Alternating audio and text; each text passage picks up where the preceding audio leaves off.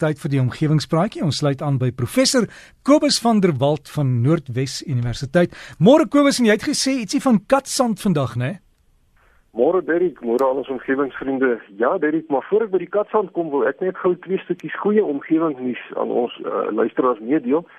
Eerste ding, ek het jou jare wat gelede vertel van die 20-jarige Nederlander Boyan Slat wat met 'n idee vorendag gekom het om al die plastiek wat so 'n groot probleem in die oseane is op te vang met 'n tipe drywende struktuur en wat die seestrome dan nou gebruik om die plastiek te konsentreer en die plastiek dan te hersirkuleer. Nou ja, die idee het toe werklik tot 'n werklikheid ontwikkel want die eerste sodanige struktuur gaan nog vir jare ontplooi word in die see tussen Japan en Suid-Korea. En die struktuur sal langer as 2 km wees en dit sal hoofsaaklik plastiek opvang wat tans op die eiland uh, Tsushima uitspoel. En die besoedelingsprobleem in daardie deel van die wêreld is nogal erg, want ongeveer 1 kubieke meter plastiek vir elke mens op die eiland spoel elke jaar op die strande uit. Uh, en hierdie eerste stap sal dan as alles volgens plan verloop binne 5 jaar opgevolg word met 'n struktuur van 100 km lank wat omtrent die helfte van die groot gemorskol wat in die Stille Oseaan tussen Hawaii en Kalifornië ronddryf, uh, sal skoonmaak. Dit is voorwaar uitstekende nuus. En dan die tweede stukkie goeie omgewingsnuus is dat op 8 Mei verjaar daar in Duitsland soveel skoon energie met behulp van die son en wind opgewek is dat hulle hul vraag na elektrisiteit heeltemal oorskry het. En dit het nogal 'n interessante gevolg gehad want die probleem is dat mense iets soos 'n gasturbine of 'n dieselgenerator of 'n hidroelektriese stelsel redelik vinnig kan aan of afskakel. Maar iets soos 'n steenkoolkragstasie of dan 'n kernreaktor skakel mens nie sommer vinnig af as daar net te veel elektrisiteit deur ander bronne opgewek word nie. En die resultaat was dat die Duitse elektrisiteitsvoorsiener die mense in Duitsland basies toe betaal het om die elektrisiteit te gebruik sodat hulle hulle steenkoolkragstasies kon aanhou. In verlede jaar het 'n soortgelyke situasie in Denemarke voorgekom toe 'n sterk wind veroorsaak het dat daar 40% te veel elektrisiteit gegenereer is. En die Dene moes toe die ekstra elektrisiteit uitvoer na Swede, Noorwe en Duitsland. Nou die punt hiervan, die positiewe punt is dat dit nou bewys is dat son- en windenergie in staat is om genoeg krag op te wek om Duitsland se ekonomie uh, van energie te voorsien. En Duitsland se ekonomie is die vierde grootste ekonomie op die planeet. Maar die probleem bly natuurlik hoe om die oormaat energie te stoor vir tye wanneer die son nie skyn en die wind nie waai nie. En dit is nog steeds die grootste struikelblok om volledig oor te skakel na skoon energiebronne. En as die mense daardie probleem te bowe kan kom, dan gaan uh, ons 'n deurslaggewende slag slaan vir omgewingsvolhoubaarheid hier op aarde. Ja, dan dink terug by die uh onderwerp wat ons verlede week nog net vlugtig aangeroer het en dit gaan oor die materiaal waarvan katsand gemaak word. Nou die vraag verlede week was of katsand van puimsteen gemaak word. En die antwoord is nee, daar is drie tipes katsand en dit is hoofsaaklik silika gebaseer, uh, met ander woorde sand, en dan klei gebaseer, dis 'n tipe bentoniet wat hulle gebruik of dan biodegradeerbaar. En die biodegradeerbare katsand word dan gemaak van gehersirkuleerde papier of ander plantprodukte, plantaardige goed soos denne, koring of sojabone. Nou, die meeste mense raak van gebruikte katsand ontslae deur dit bloot in die tuin of in 'n asblik te gooi. En sommige mense gebruik die biodegradeerbare katsand selfs as 'n deklaag of hulle sit dit in hulle komposhoop vir groentetuine. Maar Dr. Wiek Hamilton Atwell van Hermanus het vir my in hierdie verband geskryf en hy het my inligting gestuur wat my nogal laat besef het dat daar heelwat meer agter hierdie saak is as wat mense met die eerste oogopslag nou sal dink. Uh, Dr. Hamilton Atwell sê die gewone mens besef glad nie hoeveel patogene in katmis kan voorkom nie. Eerstens kan mense natuurlik in aanraking kom daarmee as katmis nou sommer hier langs die pad gegooi word of in die veld.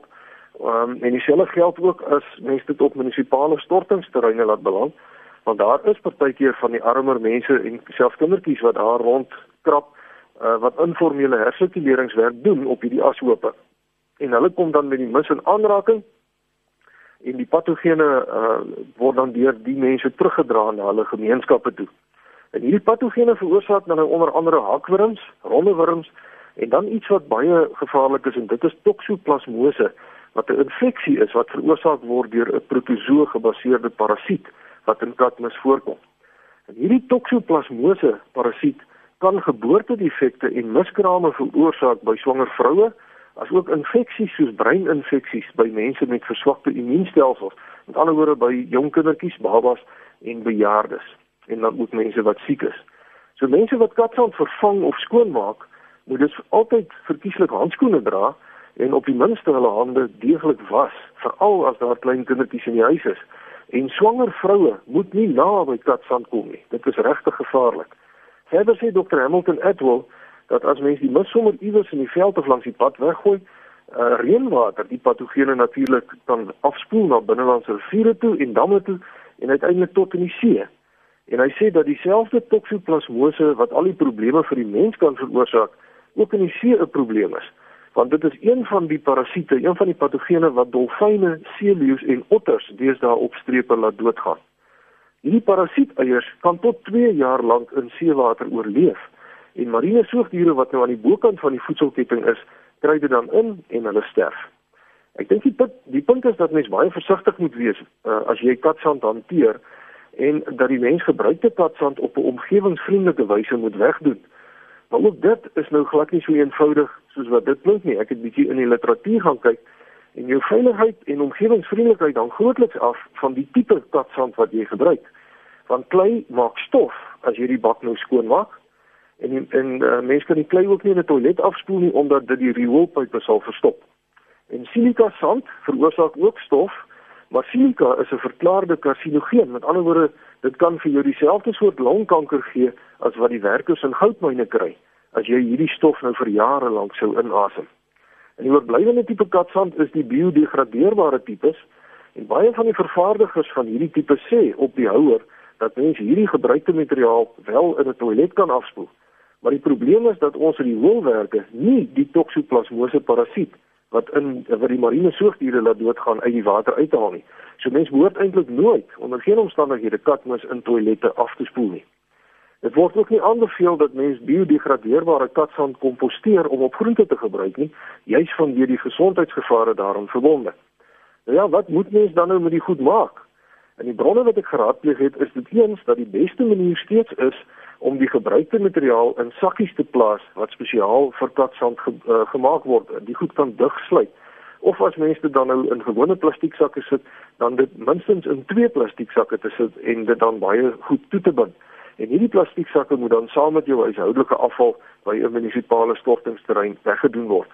Dit is daarom ook so dat die standaarde waaraan stortingsterreine deesdae moet voldoen heelwat strenger is as 'n paar jaar van tevore. En ek weet van baie plekke waar informele hersirkuleerders glad nie meer op stortingsterreine toegelaat word nie omdat hulle geen beskermende klere drag het nie en daar baie beserings en siektes by die mense voorkom. So hulle word glad nie meer daar toegelaat word uh, nie. Nou die kans dat die katmes daarom behoorlik begrawe sal word en dus geïsoleer sal wees van die omgewing is baie goed en uh, so dit blyk steeds die beste oplossing te wees. Maar as daar van ons omgewingsvriende is wat vir my kan raad gee in hierdie verband sal ek baie bly wees. Dit is lyk my glad nie so 'n eenvoudige saak nie. En ek wil net weer baie dankie sê aan Dr Victor Hamilton Etwell van Hermanus vir al die inligting wat hy vir my gestuur het. En daarmee Derek is my tydjie vanoggend om. Ek sien dat maandag nag die langste nag van die jaar gaan wees en hier van woensdag af gaan die dae weer stadig gaan begin langer word soos ons dan weer op pad is na die somer toe. Hoe vlieg die tyd nie? Skryf gerus vir my by kobus.vanderwalt by nwu.ac.za of soek na omgewingspraatjies se Facebook bladsy vir besonderhede.